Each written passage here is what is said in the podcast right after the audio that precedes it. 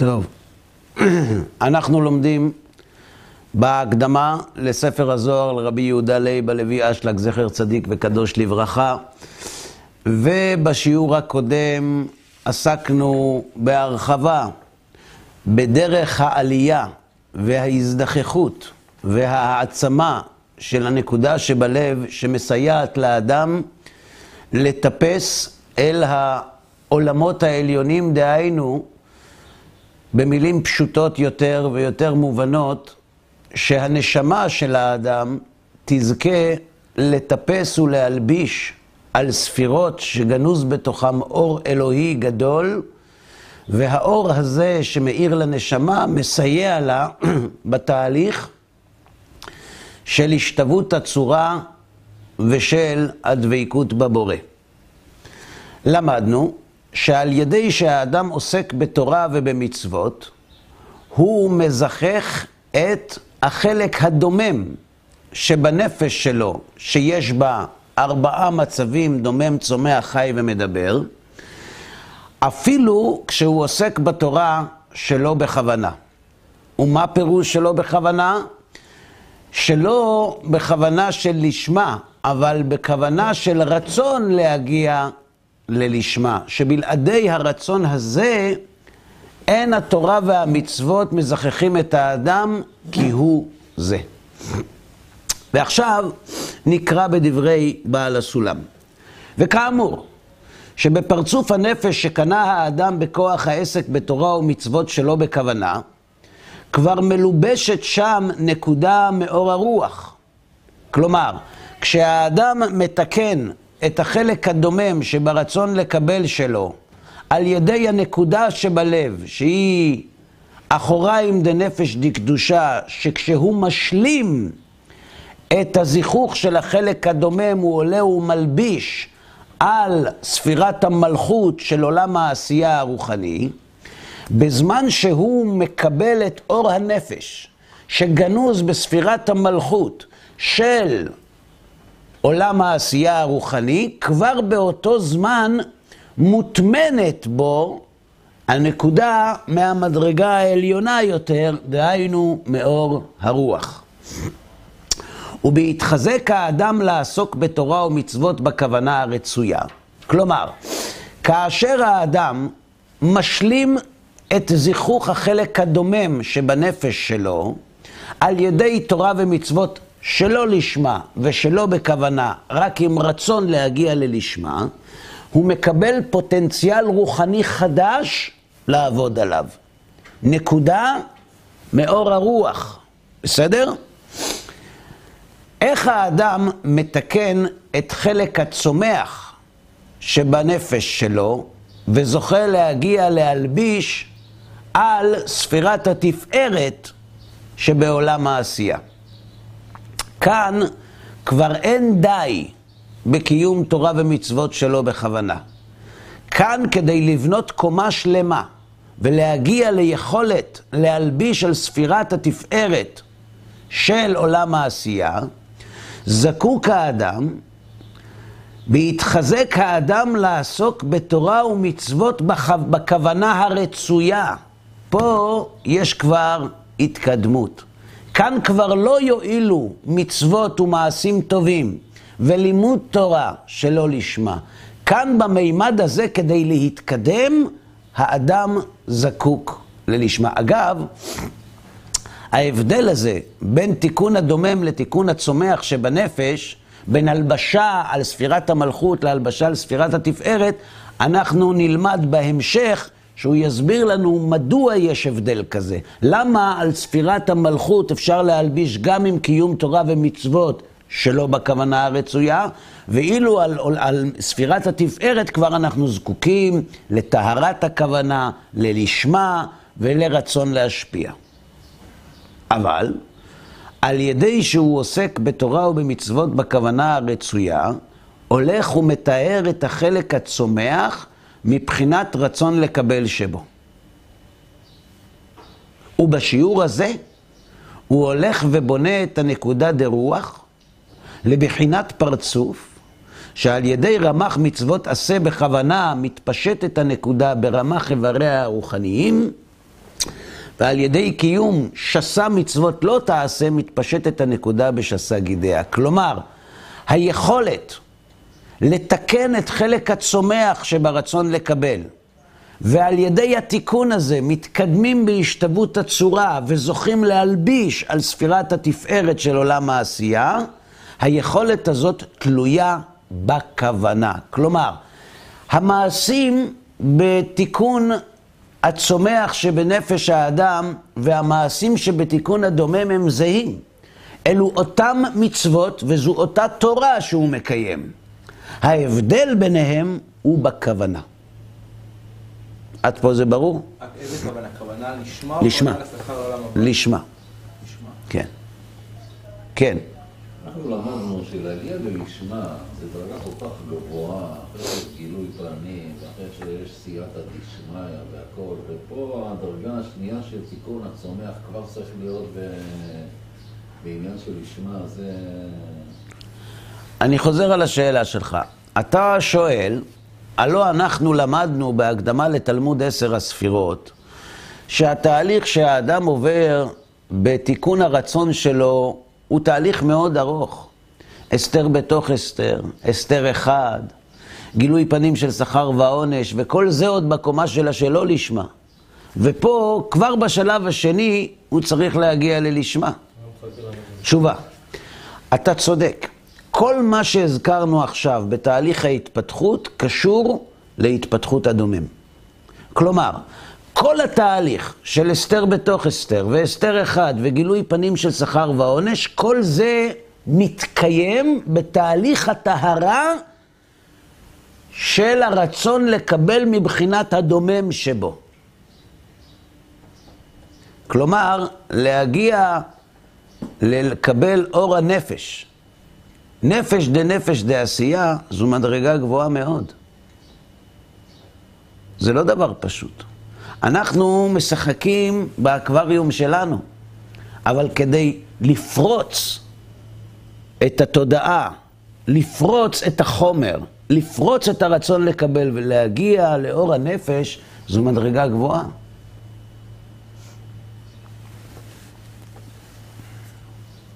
סליחה, לאור הרוח. זה רוח דנפש? זה הרוח דנפש? רוח דנפש דעשייה, כן. ובהשלמת, וכשנשלמת בתרי"ג האיברים כולם, מי? הנפש מבחינת הרצון לקבל של הצומח, נכון? היא עולה ומלבשת את ספירת התפארת שבעולם העשייה הרוחני. יש לנו את הכתובת? מכירים את הכתובת הזאת? מצוין. המעבירה לו, ספירת התפארת, המעבירה לו מאינסוף ברוך הוא אור יותר חשוב, הנקרא אור הרוח, שהוא מכוון לפי טהרת חלק הצומח שבגוף האדם. וכל פרטי דומם, צומח וחי, שבעולם העשייה מתייחסים לקומת התפארת, מסייעים לפרצוף הרוח של האדם לקבל האורות מספירת התפארת בכל השלמות. כלומר, החלקים העליונים של ספירת התפארת, של עולם העשייה, כאשר נשמת האדם מלבשת על ספירת התפארת של עולם העשייה, כל החלקים של הדומם, צומח וחי של עולם התפארת, נותנים לאדם את הכוח להשלים ולהתקדם הלאה בתיקון הנפש שלו. בסדר? בערך, נגיד את זה כך, כשאדם מגיע להלביש על ספירת התפארת, דהיינו, הוא תיקן איזה חלק ברצון לקבל? צומח. צומח. כשמתקנים את חלק הצומח שברצון לקבל, פירוש, כשמגיעים לכיבוש הרצון לקבל מבחינת החלק המפותח יותר שבו, דהיינו הצומח, כלומר, היכולת, יכולת ההתגברות היותר גדולה. ומקיימים תורה ומצוות מתוך כוונה, כוונה רצויה. או אז נפש האדם, נשמת האדם מלבישה על ספירת התפארת וזוכה לאור חדש. איך קוראים לאור הזה? אור הרוח. אור הרוח. כשאור הרוח מאיר בספירת התפארת שעליו הנשמה מלבישה, איזו מתנה נוספת מקבלת הנשמה? נקודה מהנשמה. נקודה מאור הנשמה.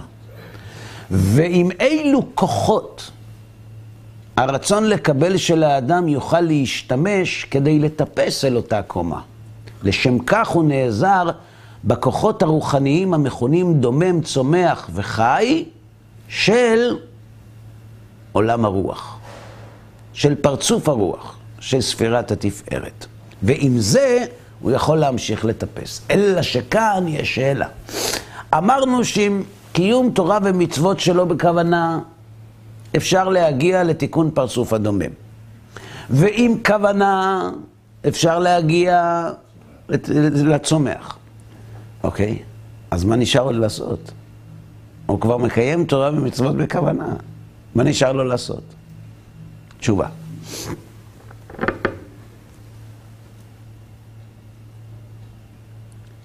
הוא מכונה משום זה צומח דקדושה. למה אור הרוח נקרא צומח דקדושה? וכן טבע הארתו כערך צומח הגשמי. אמרנו שההבדל בין הדומם לצומח הוא שלדומם יש תכונות כלליות. ואם המשלנו את זה לכוח הראייה, אתה רואה דמות, אתה רואה אור וחושך, אתה לא יודע להבחין, אתה לא רואה את הפרטים, אתה רואה באופן כללי, אתה רואה אור. אבל בצומח ראינו שיש ביטוי ייחודי לכל פרט ופרט מחלקי הצומח. כלומר, ההתחלה של הייחודיות של הנבראים מתגלה בצומח. מה זה משליך על המימד הרוחני? שנתבהר לעיל שכבר יש לו שינויי תנועה הניכרים בכל פרט ופרט שבו לפי עצמו. כן אור הצומח הרוחני.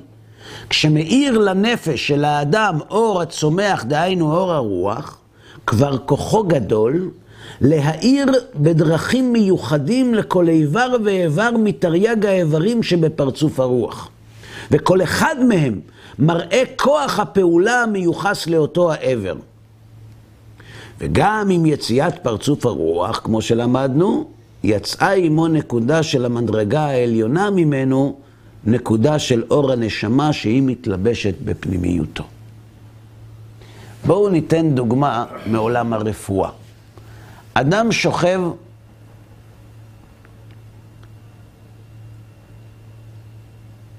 בלי נשימה ובלי דופק, ומבצעים בו החייאה. נכון? ברגע שהדופק חוזר, האם הגוף של האדם זז, הידיים והרגליים? לא. הוא חסר הכרה. אבל הוא כבר חי. זו מדרגת הדומם. כלומר, כוח החיים קיים בגוף, אבל בעוצמה כל כך נמוכה, שהוא לא בא לידי ביטוי באיברים של האדם, אלא הוא חי וזהו. כאשר האדם מקבל תוספת חיים, חוזר להכרה, הוא יכול להתחיל להזיז ידיים ורגליים. אומרים לו, אם אתה שומע, תפתח את העיניים. כלומר, כוח החיים בא לידי ביטוי כבר בפרטי האיברים, ולא רק באופן כללי שרואים במוניטור שיש כאן דופק. בסדר? אותו דבר כביכול לגבי ההתפתחות הרוחנית. כאשר האדם מגיע למדרגה של דומם, הוא כבר שייך בחיי הרוחניות. הוא קיים שם, אבל הוא חסר הכרה. הוא לא מגיב. הוא חי, אבל הוא עדיין לא מביא את היכולת החדשה שהוא זכה לה לידי ביטוי. מתי מתחילים להבחין? מתי האדם זוכה להבחין? בייחודיות של כל הערה והערה במדרגת הרוח. שם כבר מתחילים לגלות הבחנות מסוימות. הבחנות מצד המשיג, לא מצד הסובבים אותו, שהם כעיוורים באפלה. בסדר? ובהכרת הרש הוא בעצם אה, מתחיל אה, להרגיש את האורות לפי חלקים שונים. לא. הכרת הרע היא תנאי להגיע ללשמה. הכרת הרע היא תולדה של גילוי פנים של שכר ועונש. של העצמת הרצון לקבל. אדם, כשהוא מצונן, הוא יכול לאכול, אבל הוא לא מבחין בטעמים. היכולת להבחין בטעמים השונים מלמדת על התפתחות. בסדר? גם במימד הרוחני יש טעמים שונים. עונג שונה מכל הערה והערה שהאור העליון מאיר. לכל אחד מחלקי הנפש של האדם. למשל, בשביל לסבר את אוזננו, יש לנו לפעמים חוויה של עונג מעבודת השם ביראה. נכון? התבטלות, הכנעה. יש לנו מזה לפעמים אושר. ולפעמים יש עונג מעבודת השם באהבה. אם כבנים, אם כעבדים. כלומר, אלו הערות שונות שעבודת השם מאירה באדם. ההבחנות האלה של ההערות השונות, ההבחנות האלה מתקיימות בפועל בעולם הרוח. הן קיימות גם בעולם הדומם, רק שהכלי הוא כל כך פרימיטיבי שהוא לא מסוגל להבחין בהם. ברור?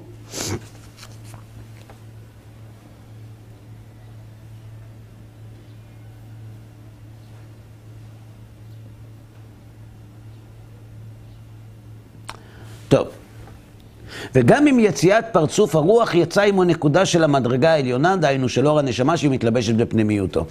נניח בן אדם רוצה להגיע לארצות הברית, בסדר? מאוד מאוד חשוב לו, יש חתונה של חבר טוב שלו, הוא חייב להיות שם. אבל אין מקום על הטיסה. הוא מגיע לשדה תעופה, ומפעיל קשרים, ומתקשר, וזה, ונכנס לרשימת המתנה, ודוחים אותו לאחור, והוא כבר, הוא כבר לא יודע מה לעשות. ואז אומרים לו, אתה עולה על המטוס. כשהוא נכנס למטוס, הוא יגיע לארצות הברית, נכון? אבל ברגע שאדם נכנס למטוס, הוא כבר שוכח שהוא היה יכול לא להיכנס למטוס. ואז הוא מתחיל לחשוב, רגע, למה שמו אותי בכיסא הזה? אני רוצה לשבת בכיסא הזה. מחלקה יותר מתקדמת. אלה הם המדרגות. כלומר, בשלב הראשון האדם עולה למטוס. הוא מתקן את חלק הדומם, הוא שייך ברוחניות. השלב השני, הוא כבר מסוגל להבחין בתענוגים שונים שהאור מספק כשהוא מאיר בנפש. כשאדם מגיע לשלימות מדרגת הרוח של נפש דעשייה, כנגד התפארת, הוא זוכה לאור הרוח ולנקודה מאור הנשמה שאמורה בעצם להוביל אותו אל טיפוס לקומה השלישית. וזו טהרת החלק החי שברצון לקבל. בסדר?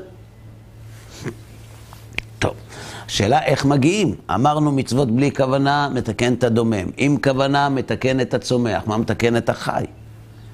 ועל ידי העסק בסודות התורה ובטעמי המצוות.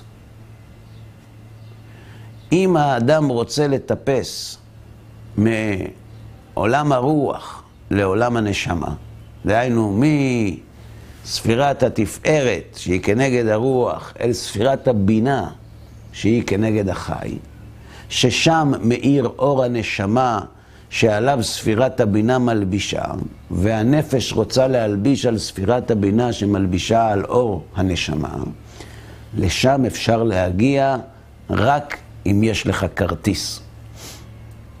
ולכרטיס הזה קוראים סודות התורה. ועל ידי העסק בסודות התורה ובטעמי המצוות, הוא מתאר חלק החי מהרצון לקבל שבו. ובשיעור הזה הולך ובונה את נקודת הנשמה, המלובשת בו ברמח איבריה ושסה גידיה. וכשנשלמת בכל בניינה ונעשית פרצוף, אז עולה ומלבשת לספירת הבינה, שבאיזה עולם? העשייה. ועולם העשייה הוא כנגד מה? כנגד הדומם הרוחני. זאת אומרת, אנחנו מדברים על הקומה השלישית שבמדרגה הכי תחתונה במימד הרוחני. וכדי להגיע לשם צריך את סודות התורה. בלי תורת הסוד, האדם נתקל בקיר זכוכית ולא מצליח להתקדם. כן, בבקשה. אדם הרי לא יכול ללמוד תורה ומצוות בכוונה לפני שהוא עבר בלי כוונה. אבל את סודות התורה הוא יכול לעסוק בה גם שהוא לא יגיע ללשמה. השאלה, מה קורה בזמן שהוא עושה, הרי הכלי שלו לא יכול לקבל את האורות האלה, אם מישהו אחר מקבל את האורות האלה? אני לא יודע מה שאלת, כך שאני לא יודע איך לענות לך. מה זה סודות התורה? זה, זה אני לא יודע. שאנחנו לומדים, ספר הזוהר ודברים כאלה, זה לא סודות התורה? זה סודות התורה, השאלה אם אנחנו לומדים את סודות התורה או קוראים את סודות התורה. שני דברים שונים, יש לקרוא ויש ללמוד. כשאדם קורא גמרא והוא לא יודע ארמית, הוא קורא או עוסק? מה דעתך? קורה. קורא. אפשר ללמוד. אפשר, אם יודעים את השפה. יפה, מלמדים אותך. השפה של סודות התורה היא שפת ההשפעה. כלומר, לא רק לקרוא, להשיג. וכדי להשיג, האדם זקוק ללמוד את סודות התורה כשהוא במדרגה של לשמה. כשאדם לומד את סודות התורה במדרגה של שלא לשמה, לא מאיר לו כלום. אבל הבעל הסולם מלמד אותנו שכשאדם, למה הסגולה של, של סודות התורה היא גדולה, למדנו? כי אנחנו עוסקים בשמותיו של הקדוש ברוך הוא, ויותר קל דרך סודות התורה להמשיך את המאור המחזיר למוטב, שמביא להכרת הרע, מאשר האור המחזיר למוטב שגנוז בתורת הפשט. כי תורת הפשט היא מכוסה מאוד. יותר קשה להוציא משם את המאור שגנוז בה. לעומת זאת, תורת הסוד, מבחינה זאת של האור המחזיר למוטב, יותר קל להשתמש בה. אז יש תפקיד לעיסוק בסודות התורה גם בשלא לשמה, אבל לא כדי להביא לתוצאות של העיסוק בסודות התורה כשאדם מגיע כבר לעולם ההשפעה. ש- הבדל עצום. אני חושב שכל כך מעט אנשים מתעסקים, חוץ מיחידי סגולה ואנשים שאתה לא שומע עליהם ולא יודע אם הם אה. בעניין הזה של הסודות, ורוב היהודים, אין להם קשר כמעט. אתה שואל, אז איך זה שרוב האנשים לא עוסקים בתורת הסוד? לא, זה- אתה אומר שזה כל כך חשוב. אני לא אומר שזה חשוב. לא. אני לא יודע שזה חשוב. אבל מי שמבין בזה אומר שזה חשוב. בעל הסולם. אז למה כל כך מעט? אני לא אמרתי שזה לא למה כל כך מעט? חשוב, היה צריך... אתה שואל שאלה מצוינת. אז למה כל כך מעט עוסקים בסודות התורה? שאלה טובה מאוד. יש לי הצעה לתשובה. יש לי הצעה לתשובה. האם האדם הוא יצור חשוב בבריאה של הקדוש ברוך הוא? אני לא שומע. כן, בטח. אה, בטח. זאת אומרת, הוא הכי חשוב. נכון. נכון. וכמה אנשים הקדוש ברוך הוא ברא? מיליארדים. לא. לא יודע באיזה עולם אתה חי, בעולם שלי הוא לא ברא מיליארדים. אחד. אחד. מיליארדים. לא, לא, לא. הוא ברא כמה? אחד. אחד. לא, לא, לא, לא. לא. כמה הוא ברא? אחד. אחד. תוספות בהמשך. קודם כל, בוא, נ- בוא נזכור מה ברא השם ביום השישי. בסדר? וייצר השם אלוהים את האדם עפר מן האדמה, ויפח באפיו נשמת חיים, ויהי האדם לנפש חיה. אחד. עכשיו בתור חוקר, כשאני מנסה להתבונן ושואל את עצמי, בשביל כמה אנשים היה שווה לקדוש ברוך הוא לברוא את העולם? מה התשובה? זה באמת משונה. אז אתה לא עונה לי. מה התשובה? אה, אתה לא יודע. מההתחלה. בוקר טוב. לא. לא, לא, לא, לא, לא, לא. לא ככה לומדים. מההתחלה. הקדוש ברוך הוא ברא את כל העולם. ביום ראשון, שני, שלישי, רביעי, חמישי ושישי. את מי הוא ברא בסוף? את האדם. כמה אנשים הוא ברא? האם הוא ברא אחריו עוד אנשים? לא. לא. אז עכשיו אנחנו בודקים ומגלים שהאדריכל של היקום סידר את הבית, שם את הרהיטים, הביא חברת ניקיון, חיבר לחשמל ולגז, והביא לשם דייר אחד. מה זה אומר לנו? שהאדריכל הזה, היה מספיק חשוב לו, הדייר שבבית, כדי לטרוח כל הטרחה הזאת עבורו. האם עד כאן זה נשמע הגיוני? אז בשביל כמה אנשים היה שווה לקדוש ברוך הוא לברוא את העולם? אחד. עד כאן זה ברור? כן. יפה. עכשיו נחזור לשאלה שלך. אם כל כך חשוב להגיע לתיקון הנפש ולדבקות בבורא, איך זה שכל כך הרבה אנשים לא עוסקים בתורת הסוד, שהוא- שהיא תנאי הכרחי להגיע לאור הנשמה? תשובה. מספיק אחד. למה אתה צוחק? לא. אגב, האחד הזה יכול להיות אתה. בשבילי נברא העולם. בשביל אחד. אתה יודע למה זה מצחיק? כי אנחנו לא אוהבים לקחת אחריות. אנחנו בורחים מאחריות. בשבילי נברא העולם זה מחייב. אתה לא יכול לעשות מה שאתה רוצה. זה מחייב מאוד. טוב. וכשנשלמת בכל בניינה ונעשית פרצוף, עולה ומלבשת לספירת הבינה שבעולם העשייה הרוחני, שכלי זה הוא זך ביותר, לאין ערך, על כלים הראשונים. תפארת ומלכות. כלומר, כלי הבינה, היחס, ככל שאתה מטפס לכלי יותר זך, היחס בינו לבין התחתון הולך ומתעצם. כלומר, אם ננסה לכמת את זה לכמות, אם בין אה, עולם הזה לדומם דעשייה, דהיינו לאור הנפש, יש מרחק של קילומטר, המרחק בין הדומם לצומח בעולם הרוחני, דהיינו בין אור הנפש לאור הרוח הוא עשרה קילומטר. ובין אור הרוח לאור הנשמה הוא אלף קילומטר. כלומר, ההפרשים הולכים ומתעצמים במכפלות ככל שהאדם עולה בסדר ההלבשה. שכלי זה הוא זך ביותר, לאין ערך על כלים הראשונים תפארת ומלכות, ועל כן הוא מעביר לו אור גדול, מאין סוף ברוך הוא הנקרא אור הנשמה. וכל פרטי דומם, צומח וחי שבעולם העשייה המיוחסים לקומת הבינה, מה תפקידם? משמשים ומסייעים לפרצוף הנשמה של האדם לקבל אורותיו בשלמות מספירת הבינה על דרך שנתבהר באור הנפש. בסדר? לאפשר לו לקבל את אותו אור גדול שבו טמון מה? נקודה של אור החיה.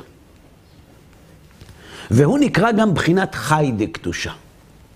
להיותו מכוון נגד טהרת חלק החי שבגוף האדם, וכן טבע הערתו, כדרך שנתבהר במין החי הגשמי, שהוא נותן הרגשה פרטית לכל איבר ואיבר מתרי"ג איברי הפרצוף, להיות חי ומרגיש בהרגשה חופשית לכל אחד מהם בלי התלות בכלל הפרצוף.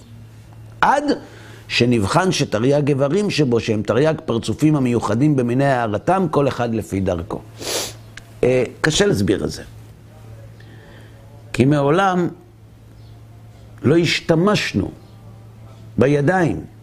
מי שמעולם לא השתמש בידיים, אתה לא תוכל להסביר לו מה עושה הפסנתרן או הכנר כדי להוציא קול, נכון? אבל מי שכבר הרגיש את הידיים, אז אומרים לו לכל אצבע יש הרגשה חופשית. כל אצבע יכולה לעשות פעולה אחרת. זה אפשר להסביר למי שיש לו אצבעות. למי שפעם משתמש בהם, אבל אנחנו שמעולם לא חווינו את מה שבעל הסולם מדבר עליו, כל שיש לנו זה לסמוך עליו, או לנסות להגיע לשם בעצמנו ולראות אם הוא צדק או לא. בסדר? כן, בבקשה. מה שאנחנו מדברים עכשיו זה עולם העשייה. אז יש אופציה כאילו לעלות... לעולם היצירה ולעולם הבריאה. מה שם זה? אז כל ה- את הכל חיסלת עכשיו, כאילו, היית את כל הסוד, זה, זה, כאילו, מה שכבר א' אפשר לעשות... בוא נבדוק. אתה, אני חוזר על השאלה שלך.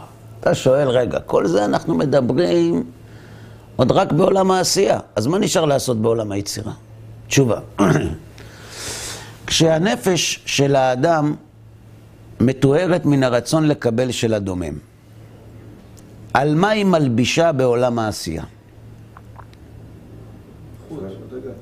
מהי המדרגה הנמוכה ביותר בעולם העשייה הרוחני? מלכות. מלכות של מה? מלכות דעשייה. מה פירוש מלכות דעשייה? אם אמרנו שהעולמות מחולקים, בריאה, יצירה ועשייה מחולקים כנגד חי שמח. חי, צומח ודומם, כנגד נפש, רוח ונשמה, נכון? אז איזה אור מאיר בכללות עולם העשייה?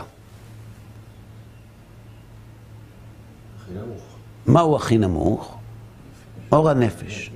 כלומר, כל עולם העשייה באופן כללי מאיר בו אור הנפש. גם לנפש יש דרגות, כאילו. עכשיו, בנפש עצמה יש גם נפש, רוח ונשמה.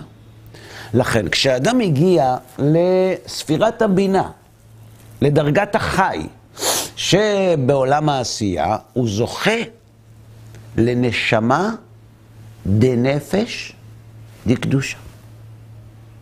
כלומר, הנשמה שהוא זוכה לה, היא נשמה מן המדרגה הנמוכה ביותר בעולם הרוחני. מה קורה כשאדם עולה לעולם היצירה?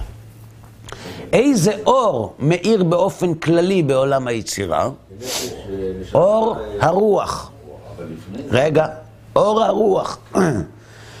עכשיו, מהי המדרגה הראשונה הנמוכה ביותר בעולם היצירה? נפש. נפש של מה? של רוח. של רוח. ההבדל בין נפש דנפש, שזו המדרגה התחתונה של עולם העשייה, לבין נפש דרוח, שהיא המדרגה התחתונה של עולם היצירה, הוא הבדל שאין הדעת יכולה להשיג. אז כשהאדם מטפס מעולם העשייה לעולם היצירה, אתה שואל, מה עוד יש לו לעשות שם?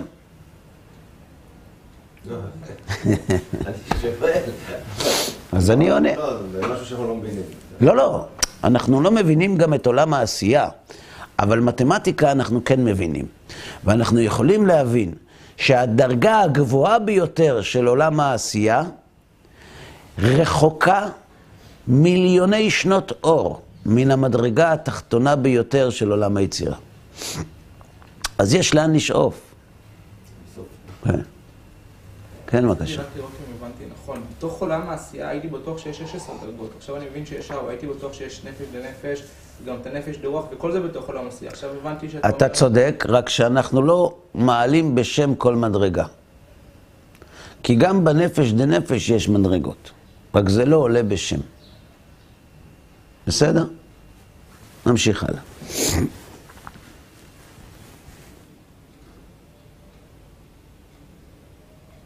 אתן לך דוגמה. כשאתה מדליק את המבער של הגז, אז הוא מראה לך שני סימנים, גבוה ונמוך. כדי להגיע מן הנמוך לגבוה, צריך לעבור תהליך. חייב לעבור תהליך. זה לא או נמוך או גבוה, יש תהליך. אותו דבר גם כאן. רק זה לא עולה בשם. יש את המדרגות המסודרות שאנחנו מדברים בהן. זה מגיע עד אין סוף. הוא לימד אותנו את זה. אפילו בנפש דנפש יש נפש, רוח ונשמה, וגם בנשמה של נפש דנפש יש נפש ורוח, עד אין סוף. רק זה לא עולה בשם. בסדר.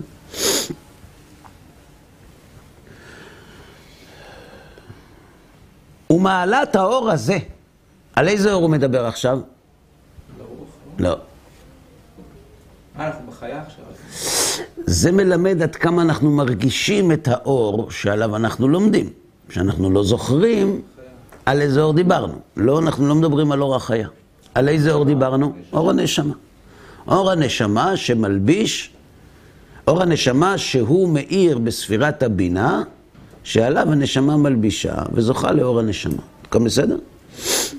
ומעלת האור הזה, איזה אור? יופי. על אור הרוח ברוחניות הוא בערך ההפרש של מין החי כלפי הדומם. כשאתה רואה בעל חיים ואבן, יש ביניהם הבדל, קטן או גדול. זה ההבדל בין אור הרוח לאור הנשמה. זה לא דרגה אחת, זה דרגה שהיא עולם אחר. זה נכון שזו התפתחות, אבל אין יחס בין דומם לחי. ההרגשה, התנועה, ההרגשה הפרטית, זה מימד שונה לחלוטין. זה לא, אתה אומר, מה זה חי? 30 דוממים. אין דבר כזה. זה משהו אחר.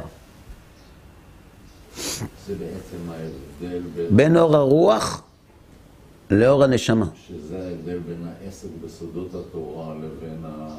בין העיסוק בסודות התורה לבין העיסוק בפשט התורה. כן. ומעלת האור הזה על אור הרוח ברוחניות היא בערך הפרש מן החי כלפי הדומם וצומח בגשמיות. וכן, יוצאת נקודה מאור החיה לקדושה, נכון? שהיא אור ספירת החוכמה, עם יציאת פרצוף הנשמה ומתלבשת בפנימיותו. כלומר, כשהאדם נולד בעולם הגשמי עם רצון לקבל, הוא מקבל אחוריים דנפש דקדושה, נקודה שבלב. כשהנשמה שלו מלבישה על ספירת המלכות של עולם העשייה, הוא מקבל נקודה מאור הרוח. כשהוא עולה ומלביש על ספירת התפארת, הוא מקבל נקודה מאור הנשמה. וכשהוא עולה ומלביש על ספירת הבינה, הוא מקבל נקודה מאור החוכמה, שנקראת חיה. בסדר? ואחר שכבר זכה באור הגדול ההוא, הנקרא אור הנשמה, אשר תרי"ג האיברים שבפרצוף ההוא כבר מאירים כל אחד מהם באור שלם ובהיר המיוחד לו, כמו פרצוף מיוחד לעצמו. אז נפתח לו הפתח לעסוק בכל מצווה ומצווה על פי כוונה אמיתית שבה. כי כל איבר של פרצוף הנשמה מאיר לו את דרכי כל מצווה המיוחסים לאותו איבר. כלומר, מה ההבדל בין העבודה של מי שרוצה להלביש על ספירת הבינה, שלשם כך צריך את סודות התורה, לבין מי שרוצה להלביש על ספירת החוכמה. ההבדל הוא כמו ההבדל בין הדומם לצומח. אמרנו שעולם הדומם הרוחני נותן שייכות ברוחניות. הוא רואה אור, אבל הוא לא רואה דמויות. כלומר, הוא רואה בגדול, נכון? כשאדם עוסק בסודות התורה ובטעמי המצוות, הוא לומד באופן כללי את סודות התורה, אבל הוא אינו יודע להבין כוונה שצריך לכוון בכל מצווה ומצווה. כלומר, את הפרטים. כאשר האדם זוכה ורוצה לטפס לאור החיה, דהיינו לזכות לאור החיה שהוא אור החוכמה, תרי"ג האיברים שבפרצוף ההוא כבר מאירים כל אחד מהם באור שלם כמו פרצוף, ואז נפתח לו הפתח לעסוק בכל מצווה ומצווה על פי כוונה אמיתית שבה. כי כל איבר של פרצוף הנשמה מאיר לו את דרכי כל מצווה המיוחסים לאותו איבר, ובכוחם הגדול של האורות ההם, הוא הולך ומתאר את חלק המדבר שברצון לקבל שלו, ומהפכו לרצון להשפיע. ובשיעור הזה הולכת ונבנית הנקודה של אור החיה המלובשת בו ברמ"ח איבריה ושסה גידיה הרוחניים. כלומר, כדי לעלות מעולם הזה לעולם העשייה, האדם צריך לבטל את הרצון לקבל. איזה רצון לקבל? של הדומם. אבל עדיין יש לו רצון לקבל של צומח וחי ומדבר. אבל כשהוא רוצה לטפס לעולם הצומח, דהיינו לרוח דעשייה, הוא צריך לתקן גם את הרצון לקבל של הצומח ולהופכו לרצון להשפיע. וכך על זה הדרך עד שהוא מגיע אל הלבשה על ספירת החוכמה. כשנשלמת לפרצוף שלם, אז עולה ומלבשת לספירת החוכמה שבעולם העשייה הרוחני. אשר כלי הזה אין קץ לזכות שבו, ועל כן הוא מעביר לו אור גדול ועצום מאוד מאין סוף ברוך הוא. מאיפה הוא ידע? הוא היה שם. אה, הוא היה שם. הנקרא אור החיה, או נשמה לנשמה. נשמה לנשמה זה אור החיה. בסדר? בסדר? יש לפעמים ביהי רצון אנחנו אומרים, נזכה לנשמה לנשמה. נכון? מה זה נשמה לנשמה? נשמה לנשמה זה המדרגה שמעל אור הרוח, מעל אור הנשמה, שזה אור החיה. בסדר? וכל הפרטים שבעולם העשייה, שהם דומם וצומח וחי המתייחסים לספירת החוכמה, מסייעים לו לקבל אור ספירת החוכמה בכל השלמות על דרך שנתבהר באור הנפש. מה אתה רוצה? אנחנו בסידור רשום שיוצר אור, מי שאומר כל בוקר יוצר אור, אז נכנס לפה נשמה. על איזה נשמה מדובר? אה? בסידורים רשום כן. ש- שכל מי שאומר אה, ויוצר אור, נכנסת בו נשמה. כן. אבל איזה נשמה מדובר? על אור הנשמה. על אור הנשמה, מאיזה, מה- מהעשייה? מאיזה, מאיזה עולם שהאדם נמצא בו. ואם הוא לא הגיע לדרגה הזאת. עכשיו סתם יבוא איזה מישהו שהוא נגיד מחלל שבת או זה, יגיד אה, אה, יוצר אור ונכנס בו נשמה. אז הוא קפץ למדרגה של נשמה? אה, עכשיו אני מבין. אתה שואל שאלה כזאת. כתוב בסידורים שכשאדם מברך יוצר אור ובורא חושך, יכוון שנכנסת בו הנשמה. ואתה אומר שלמדנו שכדי שתיכנס אור הנשמה צריך להגיע מעבר להרי החושך. אז איך בן אדם שהכורים עדיין על העיניים שלו זוכה לאור הנשמה? זו השאלה שלך. שאלה יפה. תשובה.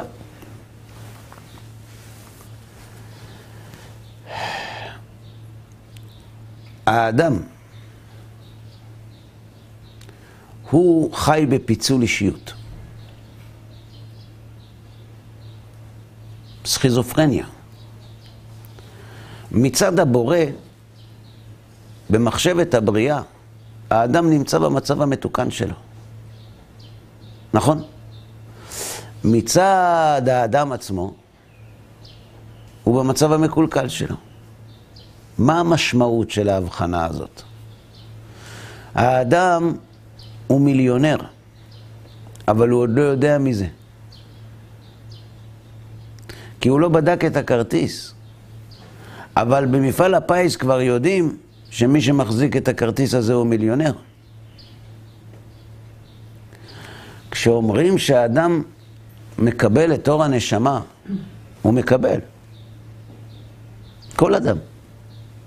כי התפילה, יש בה נוסח שתיקנו אנשי כנסת הגדולה, שגורמת לייחודים וזיווגים בעולמות העליונים. כמובן, לפי המדרגה של המתפלל. אבל, לפי המדרגה שלו, הוא אכן זוכה לאור הנשמה. אלא שהוא, מחמת שלא טיהר את הרצון לקבל שלו, לא מרגיש את זה.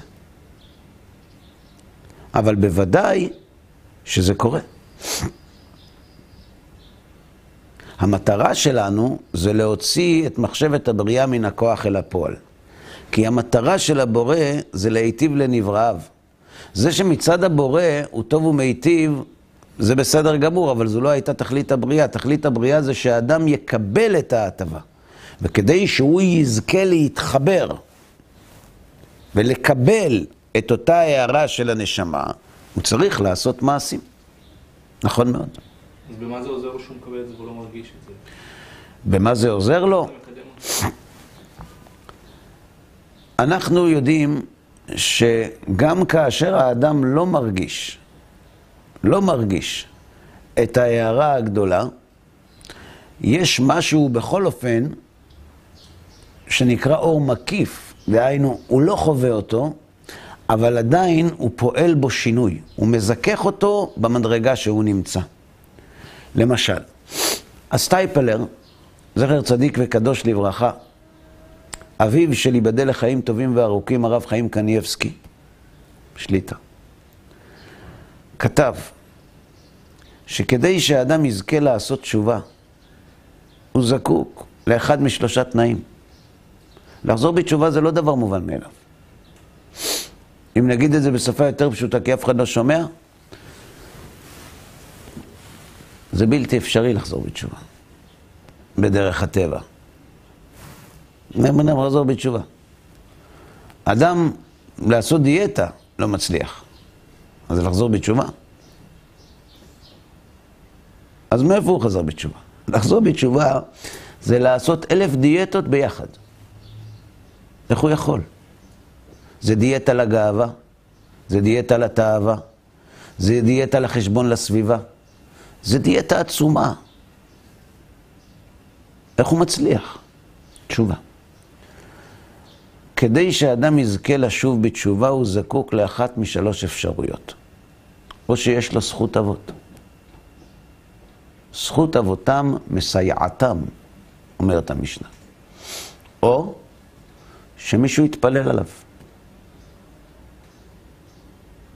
או שהוא עשה איזו מצווה גדולה בשלימות, שהזכות של המצווה הזאת מסייע לו לשוב בתשובה.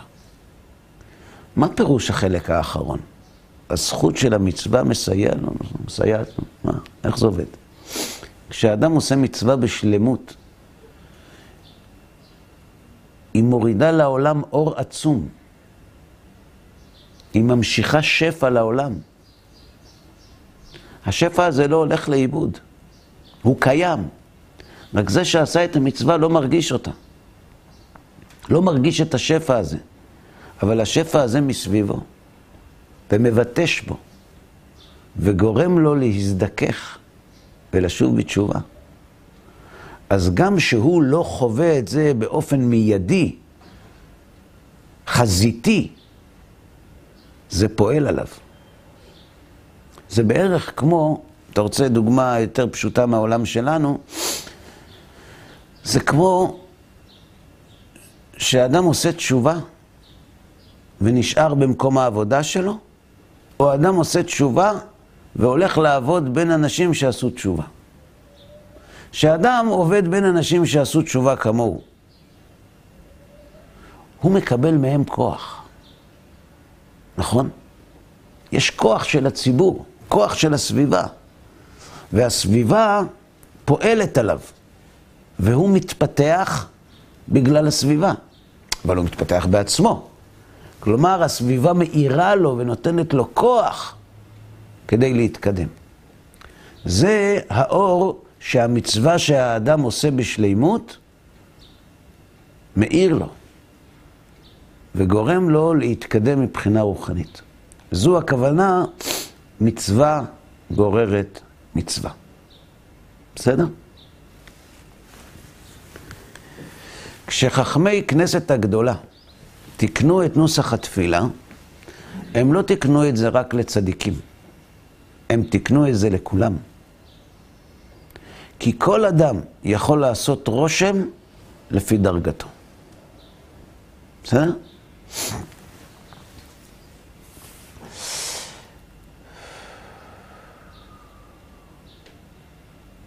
וכן נקרא מדבר דקדושה. מי נקרא מדבר דקדושה? איזה אור? אור החוכמה, נכון? איזה אור מאיר בספירת החוכמה? אור החיה. למה הוא נקרא מדבר? להיותו מכוון נגד טהרת חלק המדבר שבגוף האדם. וכן ערכו של האור ההוא באלוקיות כערך המדבר שבדומם צומח חי ומדבר הגשמיים. דהיינו שקונה הרגש זולתו באופן ששיעור גודלו של האור ההוא על גודל דומם צומח וחי הרוחניים, כשיעור גודלו של מין המדבר הגשמי על דומם צומח חי הגשמיים. ובחינת אור אינסוף ברוך הוא המלובש בפרצוף זה, הוא נקרא אור היחידה. עד כאן להיום.